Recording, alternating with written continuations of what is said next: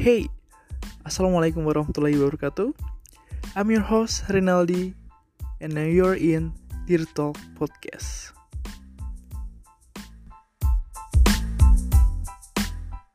Welcome to episode 5 Setelah uh, di episode 4 gue rekaman sendiri Akhirnya di episode ini gue ada temen ngobrolnya Jadi nggak garing-garing amat, gak bingung-bingung amat lah Ini temen gue yang bakal gue undang ini Dia spesialis di bidang perdagangan sesuai dengan jurusan kuliahnya. Irfan Ramadan. Ya, ken- kenapa nelfon? Anjir. Kenalin dulu dong. Iya. Eh, Halo guys, Ah, saya Irfan Ramadan, umur 23, Jakarta, berat 85, tinggi 180 cm. Pengalaman terakhir, eh casting-casting gak lolos. lu jadi promosi di itu Big Bang Management tuh Iya, ketemu casting. Ya lanjut, eh, mau mau ngobrolin apa nih kita? gitu dong nih perkenalannya lu tinggi tinggiin dong kan udah menggurita bisnis lo Buat apa ditinggi-tinggiin? kenapa tuh Nggak ada yang perlu ditinggiin, yang tinggi cuma Allah Subhanahu wa Ta'ala. subhanallah Soalnya ini lagi bulan suci. oh iya benar benar benar Suara suara motor lewat kedengeran nggak? kagak aman Aman. Orang lagi manasin mobil, enggak sih emang ada ini suara hatiku. hati lu kosong pan sorry sorry menggema di sini ya lanjut. Serius, serius. Nih, ini podcast serius pan inspiratif itu loh lu harus nangis nangis gue gue harus menceritakan kisah inspiratif di sini. Hmm, lo harus Wah. nangis nangis, lo mengingat masa lalu gitu gitulah pokoknya di di podcast ini tuh. Berarti gue nggak bisa dugong dong, Apa tuh? Duduk dan bengong. lo nggak bisa kayak gitu. Ini tuh inspiratif orang-orang terpilih doang nih. Oh, saya sangat senang sekali diundang di podcast ini. Kemarin episode 4 sangat inspiratif. Gue yakin lu nggak denger. Eh, yang apa sih yang Desi? Bukan. Tiga ya? itu tiga. Oh itu denger berarti ya. Bagus bagus bagus. Gitu dong. Oh. Support lah. Ya udah deh, mau ngomong apa nih? Masa, aduh MC-nya masa bingung sih. Hmm, sebenarnya gue ngubungin nggak sih kepikiran aja pas mau masukin lu ke dalam salah satu episode di podcast gue tuh cuma waktunya belum dapet dapet gitu loh akhirnya sekarang tuh baru dapet dan lu baru pulang terawih ya anak Iya. rajin Habis ngisi, habis ngisi kegiatan. buku kegiatan lu lapor ke sekolah ya Iya. Terus apa lagi nih? Enggak, kita mau ngomongin itu sih sebenarnya. Sebenarnya random aja bakal, tapi lebih fokus ke kan gue lihat-lihat lu tuh ulet gitu loh. Jadi anak muda tuh ulet. Bisnis apa pun lu ambil, terutama lu di Oregon ya. Di rumah. di kasur. Serius dong, ini tuh inspirasional. Gitu, gimana? Ah, iya, iya. Oh iya, saya profesional ya. Mm-mm. Iya, ada bisnis di Oregon. Saya menjalani bisnis di Oregon, kecil-kecilan, usaha jualan Hmm, baju, baju cowok. Udah, itu aja. Udah, gitu aja. Ada Oregon, Soalnya saya tertutup. Lu tertutup apa? bisa diulik. Lu susah ya kayak gembong teroris ya. Ada lagi nih, apa lagi? lu ada Oregon, ada sek to sek, ada juga uh, pacu antraks. Ya, Apa tuh? Oregon. Oregon adalah online shop gue kesekian. Gue mulai, eh langsung inspiratif boleh? Boleh, boleh, boleh, boleh banget. Oh, boleh. Soalnya takut eh, audiens yang mendengar nangis gitu kan. Eh, Oregon adalah online shop gue yang kesekian. Sekian-sekian. Setelah gue melewati beberapa masa.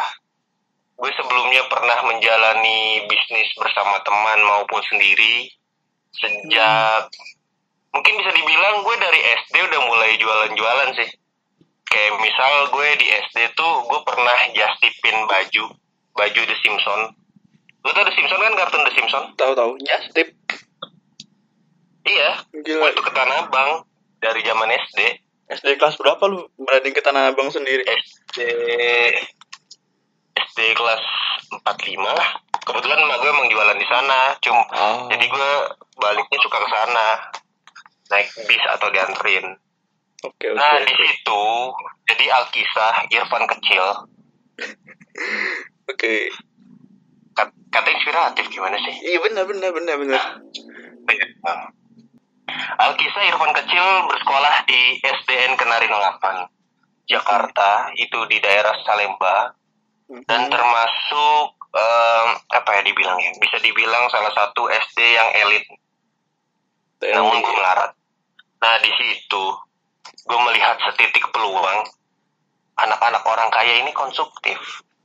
Jadi pada saat itu saya tahu kartun The Simpsons lagi hype. Oh, enggak, gue kan suka suka ngide aja. Oh, Oke. Oke. Lanjut. Saya suka ngide. Ya udah waktu itu gue mulai jualan tuh eh, kayak baju. Gue beli baju. Gue, gue waktu itu SD ngumpulin duit apa? Oh, gue buka ini tabungan buat beli baju. Jadi pertama gue beli baju sendiri. Hmm. Nah, gue bawa tuh ke sekolah, pakai. Wih, kata anak-anak keren ya. Udah akhirnya gue jual. Nah, di situ tuh otak gue mulai cuan-cuan mulu. Apa nih yang bisa dijual? Apa nih yang bisa diginiin? Bahkan dulu gue bisa di saat waktu itu kayak jaj- jajan kita SD berapa sih? Goceng dua dua ribu. Iya dua ribuan lah. Goceng goceng mah udah SD kelas 6 gitu tuh. Iya, bahkan waktu itu gue bisa ada penghasilannya sehari enam puluh ribu, delapan puluh ribu tuh. Gila itu untungnya jualan doang tuh. Iya. Jadi dulu kan eh, di rumah emak gue tuh jualan baju juga. Hmm. Waktu itu ada aksesoris ikat, ikat kepala tuh pembuat main tenis. Oke.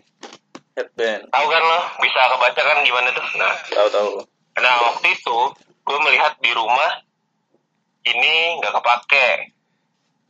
Terus gue lihat anak-anak sekolah gue itu SD kayaknya demen olahraga kayak basket, futsal. Ya udah pada akhirnya gue bawa tuh sekantong gede ikat kepala gue jual. Hmm. Akhirnya gue dapat delapan puluh ribu nggak gue setor sama gue. Tapi malu tahu. Atau tiba-tiba lu ambil Mak gue aja. tahu, Oh tahu. mak gue tahu kan aneh anaknya. Dia ini. Tapi aneh lu tuh positif Iya, gitu kan. Enggak, sebenarnya lu ada ada kisah negatif sih, tapi lu nggak tahu. Lu nggak tahu kan gue SD pernah dipanggil ke Kepsek. Kenapa kenapa? Jadi gue ada cerita lucu dulu gue SD. Apa ya? Salah satu bidang keonaran lah. Bisa dibilang ya. Jadi di SD gue sebelahnya tuh ada rumah. Hmm. Alkisah suatu hari hari Sabtu. Eh, rumah itu kan tinggi, ada tembok tinggi. Iya. Dan gue lagi pramuka gabut. Nah akhirnya gue liat setumpuk batu gue timpukin tuh rumah. Hah?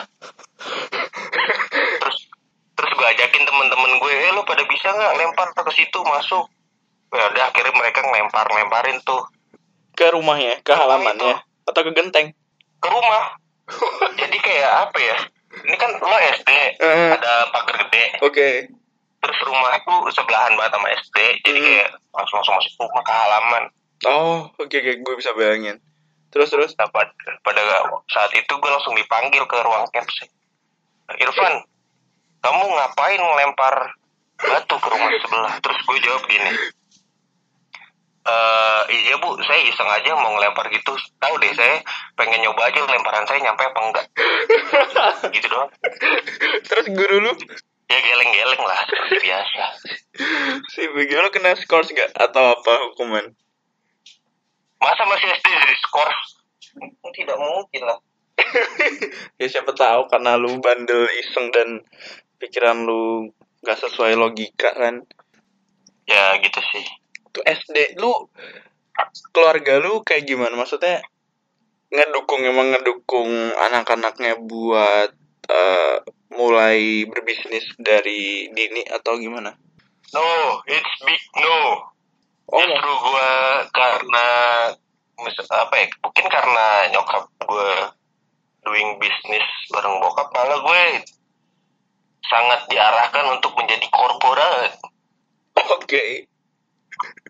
ya karena di dunia bisnis tuh nggak ada yang pasti re Hmm. lu nggak bisa dapat kepastian dengan seperti dengan halnya lu bekerja lu bekerja 20 hari dan lu bakal dapat salary di bulan selanjutnya Hmm. kita dengan dagang dagang ya, lo bisa seminggu nggak laku bisa lo sehari laku dan lo bisa menutupi satu bulan ke depan. Bisa lo nggak laku berhari-hari ya banyak dah naik turun lah. Suatu hal yang fluktuatif. A full of risks Tapi lu dapat otak-otak bisnis dari SD tuh karena ngelihat eh, nyokap bokap lu eh, bisnis oh bukan atau jadi ada ceritanya eh, eh gue termasuk orang yang nggak bisa diatur. That's why kenapa gue suka kayak ngide sendiri, misalkan ya pokoknya gitu terlihat eh, aneh dan keras gitu. Nah eh, waktu itu pernah gue ditanya cita-cita gue sama guru SD gue. mhm. Gue justru heran ketika teman-teman gue ngejawab, aku pengen jadi polisi, tentara, dokter. Karena gue tidak melihat kebebasan di situ. Dan eh, gue dulu pas SD, gue tuh suka ke pasar kan, ya ke tokap. Dan di pasar itu, kayak gue ngelihat beberapa orang tuh bebas. Jiwa-jiwa yang bebas. Jadi dia tuh nggak terkekang. Jadi dia nih, misalkan dia punya toko. eh dia punya toko. Ya udah, dia mau masuk atau nggak terserah dia. Nah di situ tuh pas ketika gue ditanya cita-cita gue apa, gue pengen jadi pedagang. Dan semua menertawakan itu. lu langsung bilang jadi pedagang Iya, SD udah kepikiran ya maksudnya Pedagang. jawaban basic kan biasanya Pedagang pilot punya toko. dokter udah Ih gak ada kepikiran kayak gitu mau jadi astronot kan. Kagak ada. pedagang dan punya toko Bahkan dulu gue SD pernah re kayak gini re. Dulu gue minta minta uang jajan bulan ke nyokap kayak bulan si mingguan. Jadi eh gue waktu itu SD gue suka banget nonton. Lo tahu ini nggak dunia air atau dunia binatang di Trans 7? iya iya Ah itu yang kayak si Otan sama si Dolpino. hmm Nah pada saat itu gue eh jatuh cinta sama ikan mas koki. oke ikan mas koki. Oke, di situ eh, gue pengen banget melihara dan men apa ternak itu. Nah di SD tuh gue kayaknya kelas 45 atau 34 atau 56 ya. Jadi karena gue sangat apa ya namanya jatuh cinta itu, gue mulai tuh minta minta apa namanya jajan mingguan buat muter duit gue. Karena eh jajan gue tuh pas banget kalau dibanding-banding ini ya dengan lingkungan gue yang itu Hmm. jajanan yang mahal jaj- jajan gue tuh pas banget. Jadi gue minta jajan mingguan di situ gue akalin gue minta anterin ortu buat nyari buku trubus buku yang tentang ikan mas koki. Oh buku trubus Iya. majalah ya. Di situ gue ya gue cari ikan gue cari ke peternak bah gue dulu SD ke peternak di dekat sekitar rumah gue juga tuh gue nyari ikan mas koki. Terus nanya-nanya gimana cara ngembang biakin.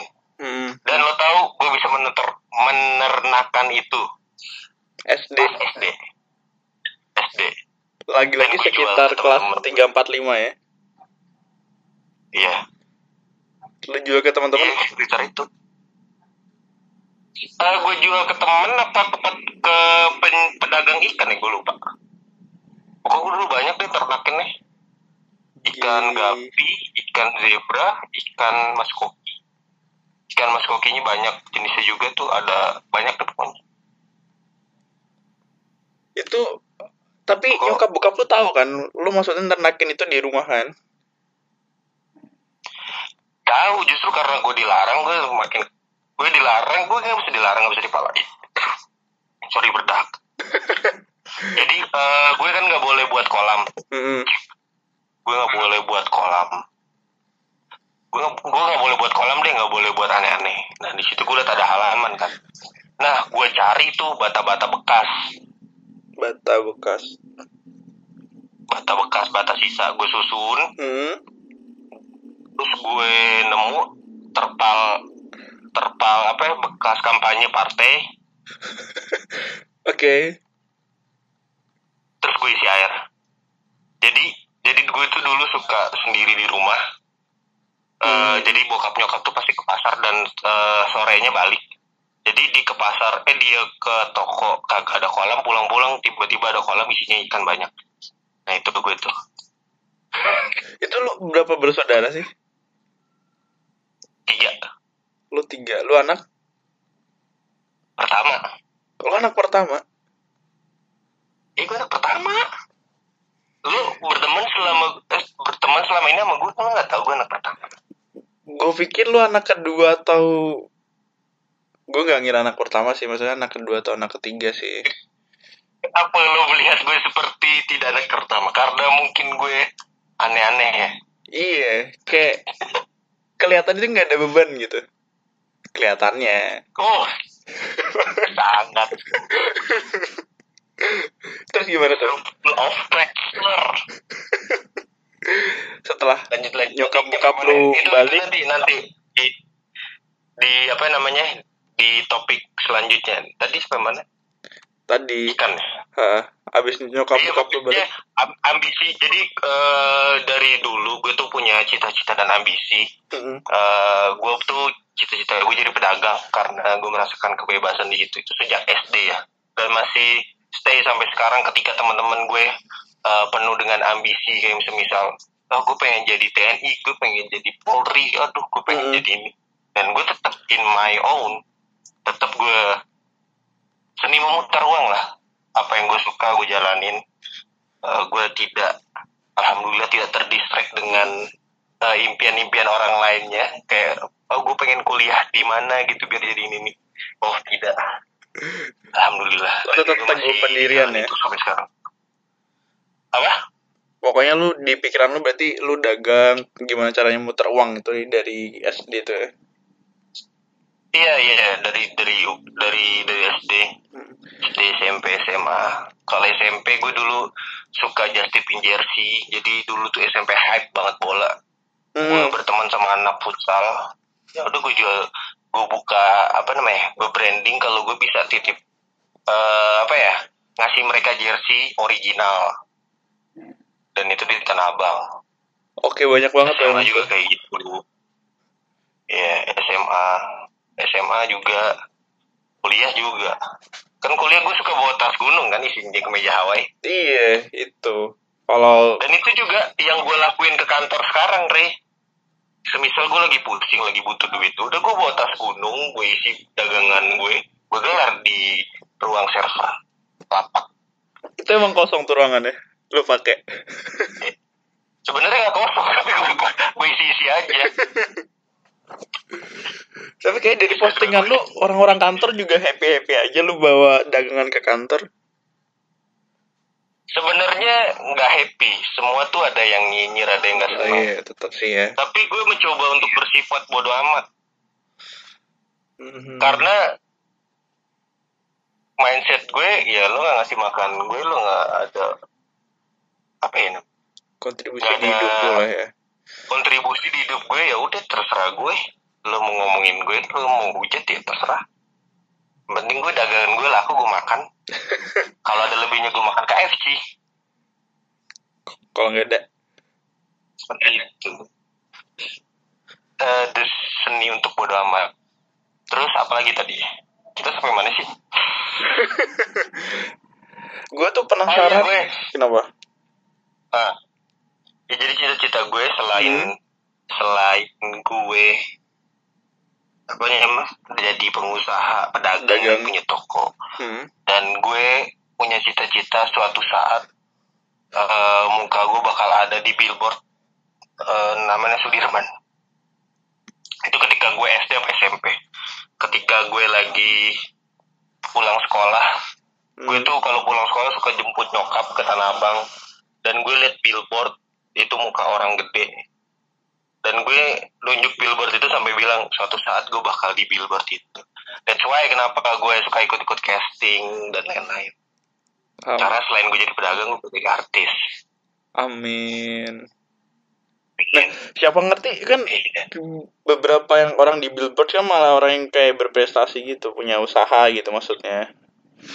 Kan juga kalau terkenal diundang sana sini jadi artis juga kan iya jadi cita-cita saya jadi temannya Raffi Ahmad sih. Gitu gue sampai pernah mimpi kayak gitu sih. Gue main ke Andara anjir gue temennya Raffi Ahmad. Habis itu gue bangun. Lu jadi timnya aja pan. Bisa kan? Enggak gue maunya jadi rekan. Weh. Oke sih nggak salah sih.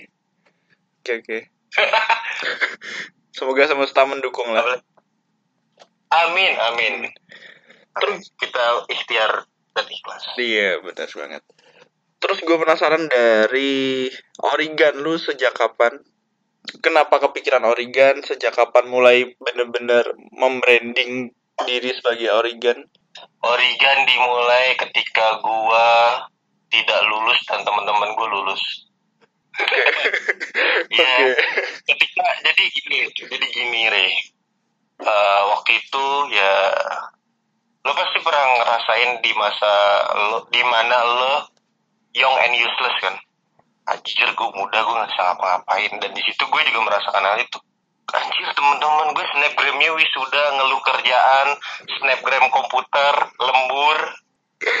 Oke. Gajian gajian terus bulan-bulan pertama belanja snapgramnya kantong belanjaan di mall digoyang-goyangin bumerang. Gue gitu nggak ya gue jadi nggak enak enggak enggak itu dulu itu dulu. Oh itu dulu. Oke. Gak lama eh, snapgram wisuda wisuda lah pokoknya dan di jenjang karir masing-masing. Dan gue nggak lulus. Gue nggak bisa apa ya nggak bisa mendapat pekerjaan karena belum lulus itu. Tadinya gue berpikir seperti itu. Karena sebenarnya emang gue punya passion di dagang jualan. Cuman karena gue tuh yang gue harus melakukan usaha tuh semua dari nol. Maksudnya gue bukan terlahir dari orang tua yang punya eh, privilege ya? dari orang tua yang sederhana bukan yang kaya raya yang gue bisa minta 10 juta 20 juta buat mulai usaha enggak. Itu gue bingung tuh harus kayak gimana. Karena gue berpikir gue modal itu semua dari uang. Dulu mikirnya gitu? Dari uang. Dari uang dan gue bekerja dulu. Tapi itu stigma itu salah. Oke jadi gue mulai ini bener-bener dari nol. Gue tanpa modal tanpa uang. Eh, bermodal relasi dan hubungan yang baik. That's why eh, aset lu tuh nggak cuman uang. Aset lu tuh aset kita semua tuh uang uang juga termasuk dan relasi. Relasi. Relasi lu mau sejatuh apa pun lu kalau punya relasi yang kuat lu bisa pinjam duit. Hey bro pinjam dong gope. Nah, kita kan saya kebantu lah ya.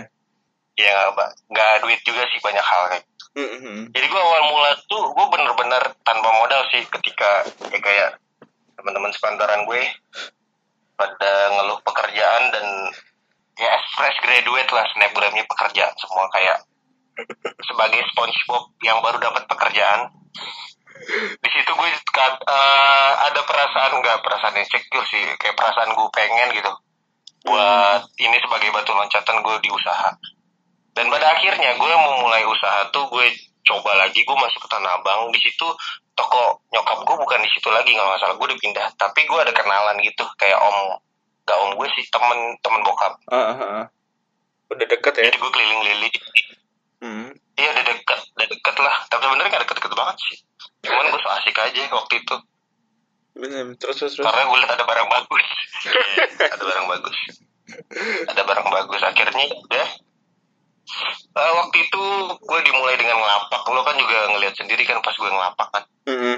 itu gue ngelapak itu bener-bener gue nggak beli barang reh lo tahu gue setiap setiap eh jadi pasar itu tutup di hari Sabtu. Jadi gue setiap Sabtu siang gue bawa tas gunung kosong ke Tanah Abang buat ngisi barang buat gue jualan minggu subuhnya.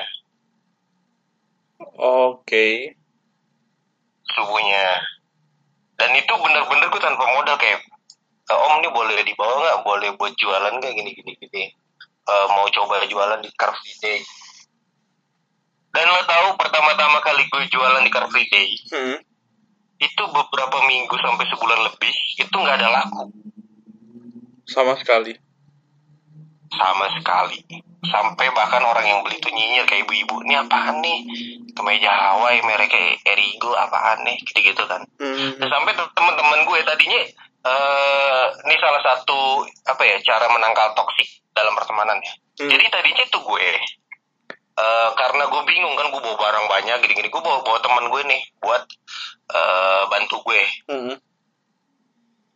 Jadi gue, gue penuh dengan keyakinan nih, oke gue suatu saat gue menjalankan ini pasti gue ada titik terang bagus nih. Hmm. Tapi di situ teman-teman gue malah kayak kayak memutuskan semangat gue. Kayak lo ngapain sih jualan kayak gini? Orang nggak tahu lo lo ngapain jualan kemeja Hawaii di Car Free Day? Lo harusnya jualan ini ini ini ini. Dengan enaknya dia ngomong kayak gitu tanpa beli barang gue, tanpa tanpa support gitu. Cuman kayak lo lo cuman bantuin gue di sini aja lo nggak usah komen negatif. Gue tetap eh, pengen positif vibe dan gue tetap ambisi apa eh, tetap semangat gue menjalani tapi dari keluarga gue pun juga kayak gitu. Kayak gue nggak laku. Gue kan harus kalau dagang itu gue harus dari subuh berangkat dari rumah. Heeh, pas motor full. Heeh. siang-siang itu gue harus eh, siang-siang bolong tuh gue pulang. Pasti gue kalau habis ngelapak gue kayak serasa dari Bali karena gerseng kan lo, lo tau sendiri kan gerseng itu bulan-bulan pertama itu nggak ada nggak ada apa namanya nggak ada penjualan tapi gue tetap eh, yakin bahwa Hmm. rezeki gue pasti ada di situ dan pada akhirnya gue inget banget itu ada pembeli pertama gue tuh cowok gua waktu itu gue gue lapak tuh juga pindah-pindah ya gue awal di Sudirman ke mana-mana pindah Hmm. dan ketika gue dapat pembeli pertama gue tuh gue rasa anjir selama ini yang gue pengen ini terwujud nih ada pembeli pertama gue di Car Free Day Ada pembeli tuh udah means a lot ya. Kayak kalau seumpama semangat turun tuh satu pembeli bisa bener-bener balikin semangat 100% ya.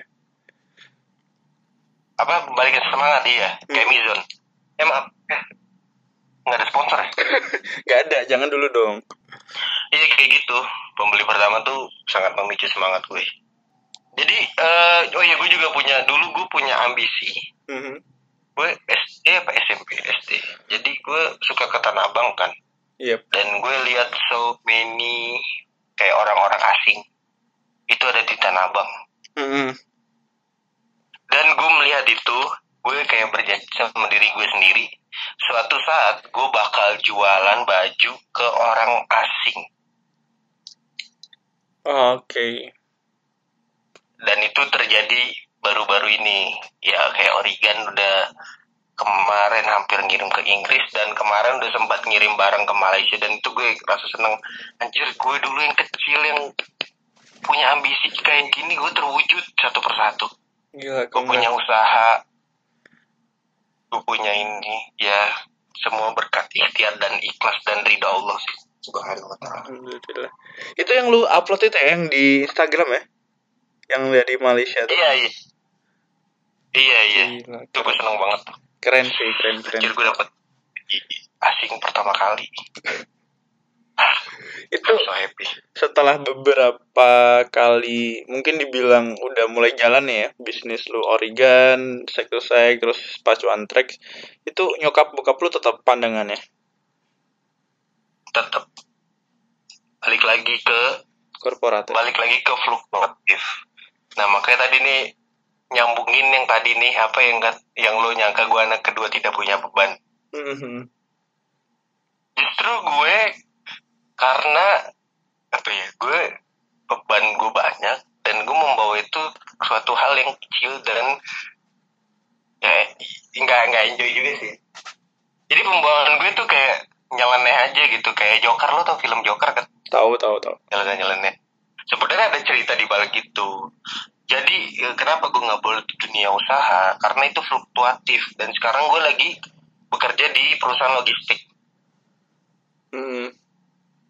Udah dua tahun berjalan dan gue udah mengajukan resign bulan ini dan gue mengajukan resign di saat adek gue mau lulus kuliah dan yang paling kecil mau kuliah it's full of risks Oke. Apa alasan lu paling besar memutuskan untuk resign di kondisi kayak gitu? bosen Bosen. Enggak, enggak, enggak. Enggak bosan. Ini sebenarnya udah gue planning udah lama sih. Hmm. Jadi kayak kemarin tuh eh, ngajin resign gue ke meja manajer gue, gue bilang gini, "Eh, Mas, jadi gue, eh Mas gue mau ngomong, gue bulan ini mau ngajuin resign. Terus dia garu-garu, Garu kapan? Eh, garu-garu pala. Oh. Terus? Ya pokoknya gue menjalankan apa ya, gue kan doing bisnis dan kerja juga ya. dan Hmm. kerjanya di dunia logistik. Lo pernah kan pasti di dunia logistik. Iya. Even lo im- importer tapi lo bagi logistik kan? Iya bener banget. Iya, ya sebagai slogan logistik. Logistik is never sleep. bener. Apa gitu? Kan? Ya, kayak gitu. Hmm. Ya, ya kayak gitu. Dan gue gak menemukan ritme kerja, Ri. Jadi gue doing bisnis dan kerja tuh gue dua tahun berjalan gue nggak menemukan ritme yang baik. Padahal gue udah ibaratkan udah time management sebisa mungkin. Hmm. Kayak gue udah mengurangi kesenangan gue lah. Yang biasa, yang contohnya gue harus main, tuh gue udah mengurangi main tuh. Eh, gue terlihat mungkin jarang main sama teman-teman dan gue fokus kayak misalkan Sabtu Minggu tuh gue upload barang, foto barang, ngapain kayak pokoknya seenggaknya se walaupun gue mau main pasti harus ada manfaatnya. Semisal gue ajak lo main dan Mhm. teman-teman dan gue ajak foto shoot kan. Sekalian foto. Iya sekalian foto kayak gitu-gitu gue udah beberapa kesenangan dan gue belum menemukan ritme itu makanya gue selama ini selama dua tahun nih gue nyari orang yang eh, menjalankan usaha sambil bekerja dan gue nggak nggak belum menemukan itu jadi gue rasa oke gue harus fokus tahun ini gue mencoba eh apa ya namanya gue harus menerima konsekuensi gue tidak diteri, eh, tidak menerima gaji lagi selama setiap bulannya dan gue mau mencoba fokus usaha seperti itu Gils. Itu uh, keputusan besar sih dan lu udah memutuskan ya. Dari pihak perusahaan gimana? Oke. Akhirnya. oke dan eh, respon positif di perusahaan juga alhamdulillah sih. Kayak misalkan lo GM gue apa ya jatuhnya Hmm. jadi bilang gini kalau even lo drop di bisnis lo kan gue bilang alasan gue pengen fokus usaha gini. Uh, uh, even lo drop di bisnis lo uh, enam bulan atau setahun lagi gue bakal menerima lo kembali lagi di sini. Oh. dan semisalkan bisnis semisalkan bisnis lo berjalan lo bisa jadi rekanan di di perusahaan ini jadi gue yang di perusahaan gue sekarang tuh lagi mencoba membangun apa ya namanya ya perusahaan keluarga tuh yang banyak sub sub subnya pokoknya gitu deh Hmm. dibiarkan untuk menjadi rekanan semoga itu berjalan dengan baik sih Amin sih, amin amin. Ya siapa tahu Tapi deng- keputusan- apa? Gimana? ya keputusan gue untuk resign Iya sih maksudnya kalau di kalau orang awam ya lihatnya mungkin eh karena lu mungkin kerja sekarang tuh dapat gaji bulanan pas banget ade lu masuk kuliah dan lulus kuliah. Mungkin beberapa orang mikirnya sih sayang sayang banget sih lu keluar sih. Bener. 80% orang yang dengar cerita gue pasti ngomong kayak gitu tapi ya sama seperti yang gue sampaikan di episode sebelumnya sih maksudnya kita tuh nggak ngerti gitu loh maksudnya rencana Allah tuh kayak gimana. Yang kita bisa lakukan kan itu berusaha iya iya. sebaik-baiknya siapa tahu Iya, habis ini lu karena fokus lu bisa gede. Eh kayak Erigo amin. Terima Hmm. kasih teman-teman doanya. Ya amin amin amin. Mari kita jadi aminkan. seneng Eh, lanjut apa lagi nih lu mau ngulik apa lagi? Kayak gue diulik dikit diulik dikit kok ceritanya banyak. Padahal kan gue introvert. Iya lu gimana sih? Lu nggak konsisten introvertnya. Ya gue kan tertutup nggak bisa gue mana ya? Tapi setelah gue baca-baca tuh seseorang tuh nggak pernah nggak ada yang 100% introvert pan. Pasti ada Ah. di saat-saat tertentu tuh. Emang lo tes kepribadian apa? yang gue kirim apa sih tuh dia? Gue lupa. Oh, iya NFT. Gue introvert aja, gue STP. gue tukang kampanye gitu lah pokoknya apa sih tuh Oh iya iya iya iya, juru kampanye. juru kampanye Eh, ap- eh apa iya lo ya? gue eh Oh iya eh. Oke lanjut lanjut. Terus apa lagi? Gue juga eh. Hah? Lanjut apa lagi? oke terus habis itu ah bisnis masih jalan ya Masih. Itu ada anaknya lagi tuh sek to sek sama pacuan tracks anaknya Iya. Origan itu apa tuh bedanya apa Kalau sek to sek itu tadinya Oregon mau gue. Jadi gue eh, ngebentuk market tuh kan perlu apa ya? Lo per ibaratkan kalau lo mau piara ikan lo harus buat kolam kan. Hmm. Jadi tadinya tuh gue buat kolam-kolam tersendiri. Eh jadi Oregon tuh tadinya untuk khusus shop gue baju baru sisa ekspor. Kayak gue kan awal-awal jualan baju champion, kemeja Erigo, Mm-mm. dan lain-lain sepatu-sepatu gitu, sepatu-sepatu reject. yang sisa ekspor ya Nah, dan di sektus ya di sektusek itu kan sektusek artinya karung ke karung. Mm-mm. Dan itu gue menjual baju-baju kan oke second branded ya second branded. Dan untuk pacuan T-Rex itu sebenarnya akun jaga-jaga jadi untuk keduanya. Karena di akun Oregon dan Sektusek itu gue udah nggak bisa eh, menggunakan Instagram Ads oh kenapa karena eh, akun gue tuh udah diblokir dari Instagram. Jadi gue nggak bisa iklan lagi. Gara-gara gue menjual baju sisa ekspor. oh jadi problematikanya tuh gitu ya maksudnya Brandnya, iya, karena menyinggung brand lain gitu. Waktu itu gue ngiklanin brand apa ya, Uniqlo kalau nggak salah. Dan akun iklan gue langsung keblokir selamanya. oke Kan lo pasti kalau main Instagram pernah lihat kan konten kayak bersponsor. Mm-mm. pasti kalau pas buka gitu itu Nah, nah di situ sebenarnya kita nggak boleh iklanin brand orang lain. Semisal gue Oregon, tapi gue jualan baju Uniqlo itu nggak boleh. oke. Karena gue under license bukan brand gue. Dan di situ kesalahannya itu pelajaran juga sih. Jadi kayaknya walaupun misalkan Oregon nih udah followersnya udah 9 ribuan tetap udah nggak bisa ngiklan karena akun iklan gue udah dimatikan sama Instagram karena mengiklan mengiklankan produk lain. Jadi itu juga dengan sektus sek to sek juga sama ya kena ya? Nah sama udah gak bisa dipakai lagi terus eh langkah lu apa setelah ads-nya diblokir?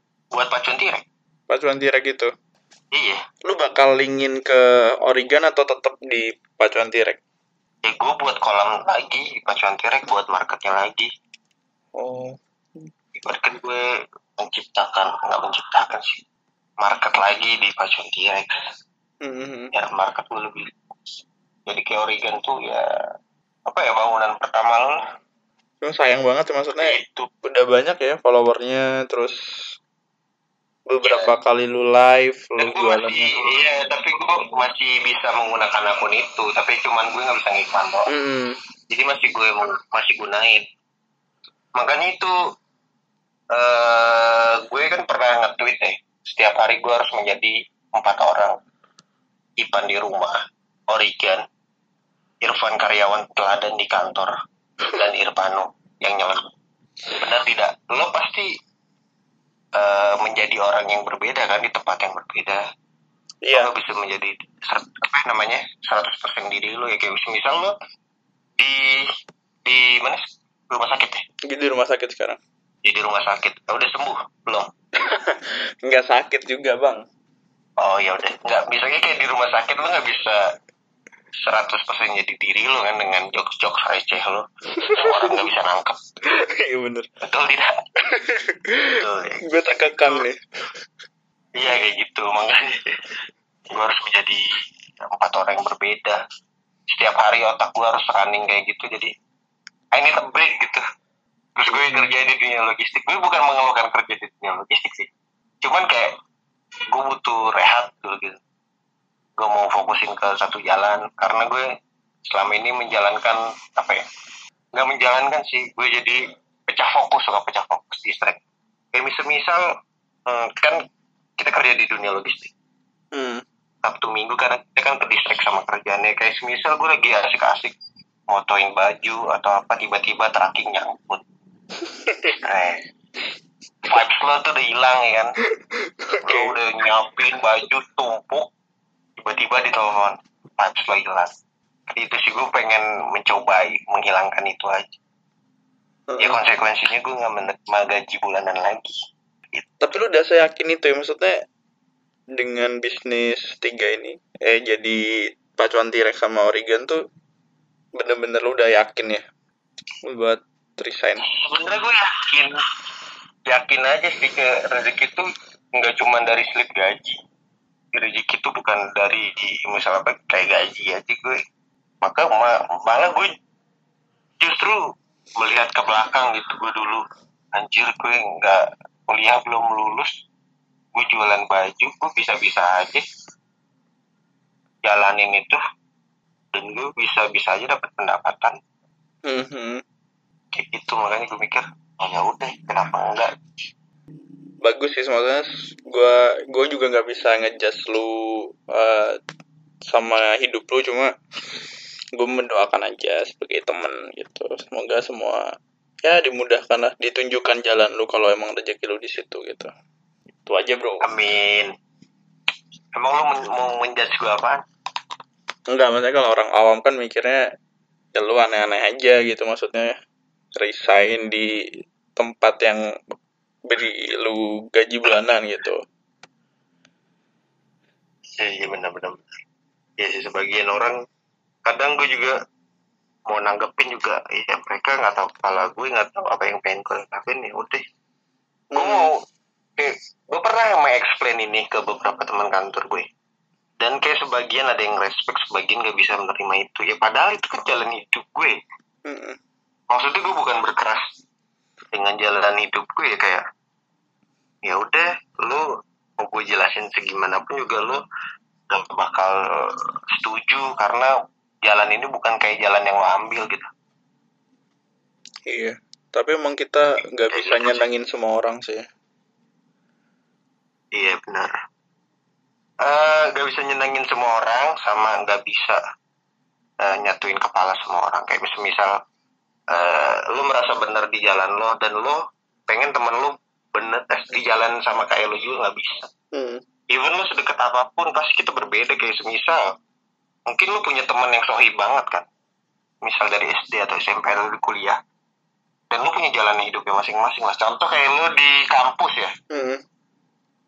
ya kayak semisal dengan Adit kerja di pelayaran terus siapa lagi? Si- Siti di pelayaran dan lu di importir apalagi deh pokoknya kayak gitulah contohnya. Kayak lu nggak bisa menyamakan mereka untuk Satu jalan importer ya. tuh enak. Kayak, importer tuh enak lu kalau di strata aja tuh lo paling tinggi karena lo yang order. Forwarding atau lain tapi lo gak bisa menyamakan itu. Mereka punya jalan masing-masing dan apa namanya slot-slotnya masing-masing. Yep, yep, yep. itu sih yang gue apa ya gue pelajarin. Anjir pelajarin inspiratif. Inspiratif ini mah. Tapi emang sih maksudnya kalau kita emang nggak bisa bantu bisnis orang atau gimana tuh ya ya udah diem gitu loh maksudnya. Kalau kalau jangan menjadi rude, jangan menjadi kejam gitu dengan menjatuhkan semangat atau ya mungkin niat mereka bagus ya maksudnya biar kita mikir lagi gitu apakah yang kita ambil tepat tapi kalau sampai ngejatuhin gitu sih juga ya dan udah melewati Ah, masa-masa sebenarnya itu kalau masalah dijatuhin juga gue udah sering dijatuhin. Emang kalau sifat bodoh amat tuh emang sifat hal yang wajib sih. sebuah seni bersikap Bodo amat. bodo amat ya Iya, bosan itu bersikap bodoh. Walaupun kadang-kadang gue juga overthinking sih, tapi gue mencoba untuk bodoh amat. Karena untuk menjatuhkan gue pun dari teman terdekat pun pasti ada menjatuhkan. Karena kayak semisal dia merasa paling benar jalan gue salah, Hmm. dia menasehati gue dengan menjatuhkan gue itu kan juga termasuk kan. Hmm. Misal gue uh, mungkin gue punya jalan di usaha dan circle pertemanan mungkin contohnya ya kayak SMA gue atau kelasan SMA gue punya circle uh, dia tuh lebih ke karir Mm. otomatis gue beda beda banget dong dari mereka mereka Iya sih. ya seperti itu jadi ya kayak ada ah lo ngapain kayak gini gini enggak gitu ya lo nggak sepemikiran kenapa ini salah satu healing gue tuh random talk with another uh, stranger people sih Hmm, oke. Uh, lo lihat gak lo kalau kalau lo me time lo apa Kalau me time gue sih biasanya gue baca buku nonton sih. berarti lo introvert Iya bener. Gue tuh sebenarnya seneng gitu. Kayak ada. Ke- Kenapa? padahal gue asal nyebut Ah, tapi gue seneng sebenarnya kalau diajak diskusi kayak gini tuh, jam-jam overthinking, terus ya berbagi itu sih. kayak talk with stranger tuh kalau yang gue rasain tuh kayak mengisi hidup sih kayak semisal gini eh gue tuh gue pernah gue gue nggak merasa bersyukur banget. Ini nggak nggak nggak ini sih apa apa namanya bukan ngobrol sama orang lain tapi melihat orang lain. Jadi kayak waktu itu gue kerjaan lagi kalut. Dagangan lagi kalut. Gue nggak merasa bersyukur deh pokoknya waktu itu. Kesel dah pokoknya anjir kenapa kayak gini gini gini gini. Gak sesuai harapan ya. waktu itu kerja gue gue ngeluh deh pokoknya kerja anjir kayak gini. Kerja gue naik busway Hmm. dan gue itu di halte mana gue melihat jadi ada orang buta. Hmm. tak dia buta berpakaian rapi. Jadi setiap gue berangkat kerja tuh gue selalu nemuin dia. Dan gue melihat dia anjir dia kayak senyum dan happy. Gue merasa anjir dia buta dia masih kerja. Dan gue sehat masih muda dan gue mengeluh sama kehidupan. Kayak gitu tuh. Gue nyampe berpikir kayak gitu. Terus kayak misal gue lagi kalut di kayak di perdagangan gue Re. lo tau healing gue ngapain? Gue muter gue cari pedagang kecil. Hah? atau pedagang kecil-kecil lah pokoknya.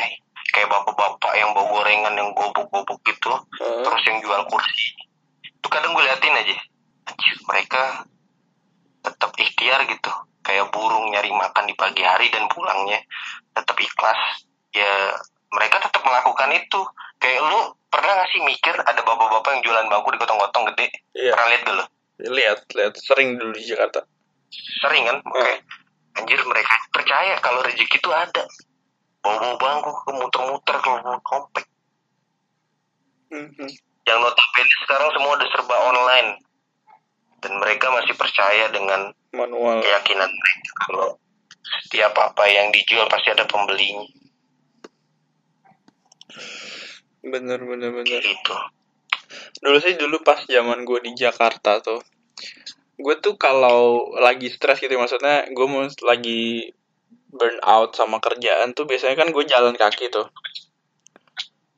Dulu pernah gue jalan kaki dari kosan gue Jaksa sampai ke GBK 6 kilo jam 1 pagi.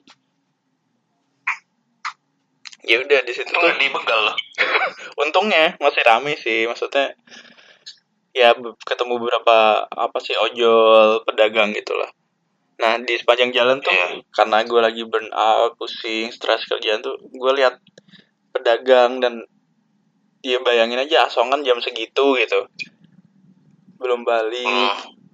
Ya gue nggak sempat ngomong sih karena mood gue kan lagi jelek banget kan.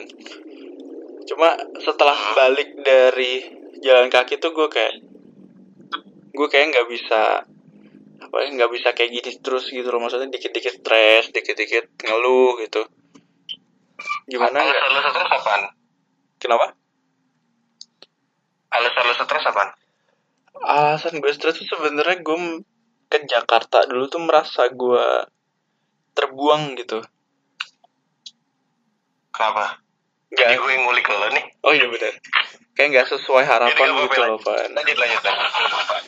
Iya gue juga sempet bertanya-tanya sih kenapa lo balik lagi ke eh Blitar. Blitar. Nih malam ini kita eh sorry gue emang bintang tamu tapi gue pengen ngulik Renaldi nggak penonton. Kok penonton sih? Kenapa kenapa? Lu pikir lawak. Pendengar setia Dear Podcast. Ya gitu sih. Gue kayak masih denial gitu loh beberapa tahun tuh kayak Anjir gue di Jakarta hidup susah banget gitu-gitu. Terus apalagi kuliah tuh bener-bener pas ya. Pas banget. Eh, pas banget lah hidup itu. Pas sampai tanggal 20 maksudnya. Sampai tanggal 31 cari yang lain. Makanya kan gue kan gue gawe kan. Terus temen akhirnya kan gue gawe itu selama kuliah tuh jagain gue Apa? SPB-an sih bazar gitu jaga stand produk-produk Hmm. minuman buku gitu Oh, lu pernah itu? Gue gak tahu. iya gue. Pas kuliah sih gue itu habis itu gue kenapa burn out pas kerjaan tuh kayak jauh dari rumah lu nih, gaji gue berarti lu kecil pas masa kuliah dan lu tidak merasa enjoy berarti merantau ke Jakarta. ah Lu bener-bener sendiri kah ke Jakarta? Atau ada teman kenalan? Afan satu sekolah sama lu? enggak enggak beda Apa udah kenal sebelum? gue kenal Avan tuh semester 3 itu Oh jadi ke Jakarta benar-benar gak ada kenalan? ada ada temen dulu tapi dia pindah ke Untar Tarumanegara pas semester 2 Oh iya. hmm, Lanjut terus. gue kayak merasa terbuang sih awal-awalnya maksudnya kenapa gue dibuang sejauh ini dengan keadaan pas-pasan dan gak ada siapa-siapa gitu gue pertama mikirnya gitu nangis setiap Iya. malam tuh maksudnya ya sedih aja gitu sendiri di kosan terus lama-lama Bukannya lo di kosan sama Abed? belum dong gue di kosan sama Abed tuh semester 6 Oke, terus? hmm, ya kayak sedih cuma kalau ketemu teman-teman kan happy ya kayak jadi orang yang berbeda ya kalau ke kampus tuh bawaannya Kan seneng makanya lu melihat melihat gue juga seperti itu pasti. Terus lanjut. Jadi kayak gitu tuh jadi apa sih namanya karena kita lagi happy kan jadi kita membuka ya pikiran kita tuh terbuka sama informasi-informasi baru gitu loh. Dan di situ tuh gue dikenalin sama si Cabi si Zahra tuh kerjaan SPB gitu.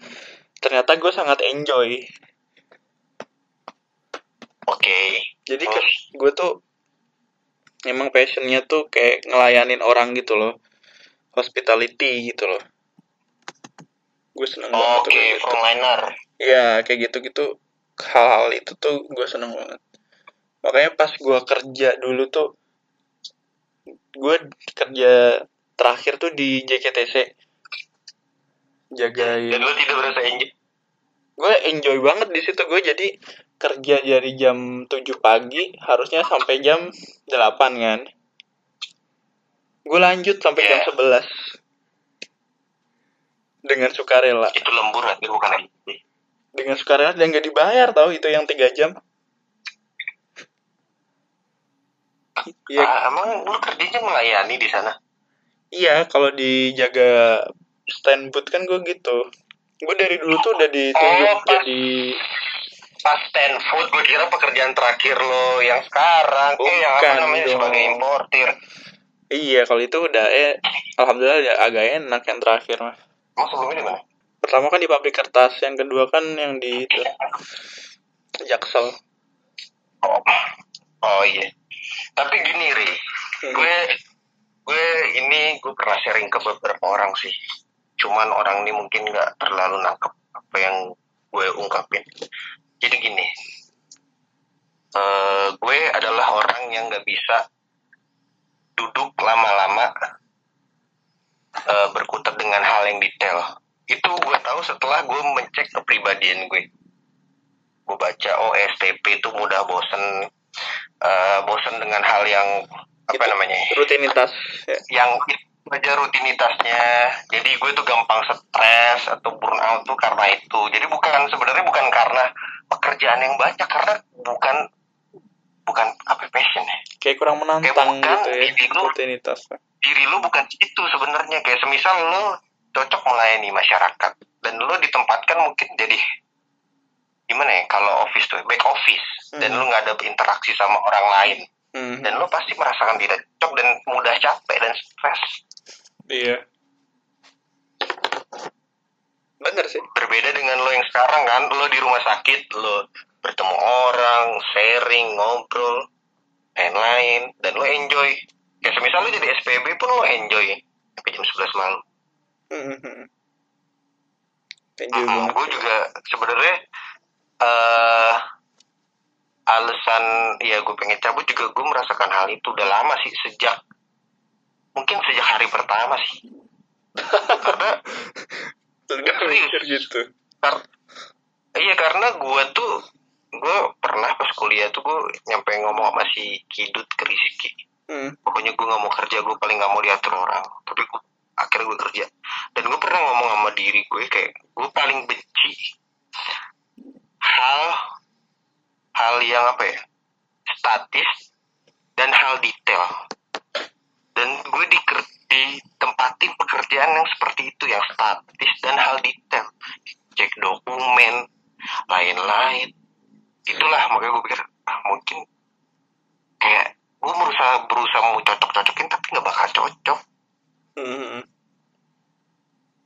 Iya gak sih? Kayak lu juga mungkin kayak gitu, lu burn out. Eh, yang kata jalan dari Jaksa ke Senayan karena lu mungkin nggak cocok. Hmm. Ada unsur Sebenarnya keterpaksaan kali ya. Iya sebenarnya pekerja, sebenarnya pekerjaan itu gampang bagi orang yang cocok, Oke. ya kan? Hmm. Ya mungkin lu bisa lihat di kantor kayak orangnya, ya emang dia demennya itu, jadi pekerjaannya cepat, selesai dan tuntas. Dan gue di tempat sekarang itu gue masih sebagai orang yang karena mungkin kebiasaan gue tuh kan ngide ya Heeh. apa apa apa apa ngide dan itu kan nggak cocok ya sama kayak standar operasional kantor kan apa apa semua tuh harus beritme ya kayak gitu kayak "Eh, ini bukan tempat gue. It's not my own gitu. Kayak gitu sih Re sebenarnya. Gue jadi curhat kan. Enggak sih. Gue makanya ke pas bantuin lu jualan di CFD terakhir iya. tuh gue senang-senang aja sih kayak gitu. iya iya iya. Iya gue inget gue inget Laku lumayan tuh seneng kok gue kalau ada yang beli tuh dia mampir tuh. Iya mungkin emang lo demen di situ kali Iya kayak emang cita-cita lo kecil apaan Re mau acara ya kagak. Gue cita-cita kecil tuh jadi pilot. Tapi gue takut ketinggian. nggak bener-bener dari hati cita-cita yang dari hati Nggak ngerti. Gue dulu tuh masih pilot. Habis itu gue nggak ada kepenginan apa-apa. pilot gara-gara ngeliat orang kan apa enggak Nggak ngerti gue juga tiba-tiba kepikiran pilot aja. Itu juga karena itu. oh ya deh Tiba-tiba pagi Ih, gua itu ditanyain cita-cita kamu apa? survei ke Hmm, lu survei apa? terus lu pilot. Hmm, gue di survei ke jadi kayak gue tanya lo pas SD cita-cita lo apaan? Dan di umur lo yang sekarang cita-cita lo apaan? Nah lo SD pilot. Sekarang cita-cita lo apa? Gue selain jadi kaya. Doi. itu bukan cita-cita itu tuh basic. itu apa ya keharusan keharusan Iya, itu jawaban mes. Cita-cita tuh you want to be some something lah. hmm. Atau lo pengen jadi seseorang apa gitu. gue sih pengen tetap sih gue pengen jadi pengusaha bikin usaha kuliner Karena lo demen makan. makan dan masak. Tapi gue malah dengar cerita lo tadi kayak lo demen melay eh, make sense sih melayani ya. iya makanya kalau gue punya tempat makan kan gue bisa ngelayanin mau mau pesan apa gitu kan Oh iya iya iya, ya make sense. Iya, gitu makanya gue pernah baca gini deh. hmm. eh apa ya kegagalan itu bukan di saat kita hidup kita berantakan dan kusut kegagalan itu ketika kita tidak bisa menjalankan apa yang kita cita-citakan oke bagus bagus udah nggak lo mudeng mudeng gue mudeng ya i- sorry agak ngasih-ngasih quote soalnya kan biar inspiratif. Inspiratif. Gue mau nangis nih barusan. Ya udah jangan nangis. Usap. Keren sih emang. Ya namanya hidup ya. Kita cuma bisa berusaha semaksimal mungkin, berdoa dan berbagi. Sukses tuh ngajak-ngajak. Katanya gitu. Mm. Betul, betul sekali. Berbagi. Terus apa lagi nih topiknya, Re? Ah, udah. Gue udah dapet. Maksudnya dari tema kita hari ini sudah dapet ya. Udah menjelaskan dengan runtut dan detail. Padahal lu nggak suka detail. Detail ngecek. Ngecek PIB. Gue pernah melakukan itu. Apa lagi, Re? Udah gue ya thank you banget sih. Apa pun yang lu ambil, gue selaku temen, gue dukung aja sih. Semoga yang terbaik dan cepet dipertemukan. Jadi model gue. Iya, siapa tahu ntar makanya main atau ntar gue main ke sana gitu. Tetaplah. Pan, thank you banget. Udah ngantuk ya. Udah. Gue sih belum ngantuk, kan gue harus ngedit ini dulu. Oh iya iya. Terus apa lagi nih? Udah. Enggak, udah sih. Thank you banget sharingnya. Ya biar yang yang denger denger ini pada ngaminin biar cepet keluarnya. Amin. Oke teman-teman yang denger ini jangan lupa kalau kalian pengen beli baju second atau branded kalian bisa ke Instagram Origan O R I I G A N eh, atau pacuan tirek. Pacuan T-Rex ya. Sedikit iklan nggak apa-apa. Gak apa-apa, gak apa-apa. Malah bagus tuh. Oke, ntar gue cantumin di deskripsi. Oh mantap. Iya. Oke, oke. Ya udah gue jadi Albert lagi. Jadi kenapa? Thank you banget lu. Jarang kan jadi seserius ini. Enggak. Karena apa gue tapi gue gak jarang deep talk sih sama orang-orangnya karena orang-orang pasti biasa gue bercandain dan nyeleneh sih Mm-mm. lu gak pernah ngobrol sedalam ini kan sama gue Iya, makanya namanya Dear Talk. iya dia keren Oke.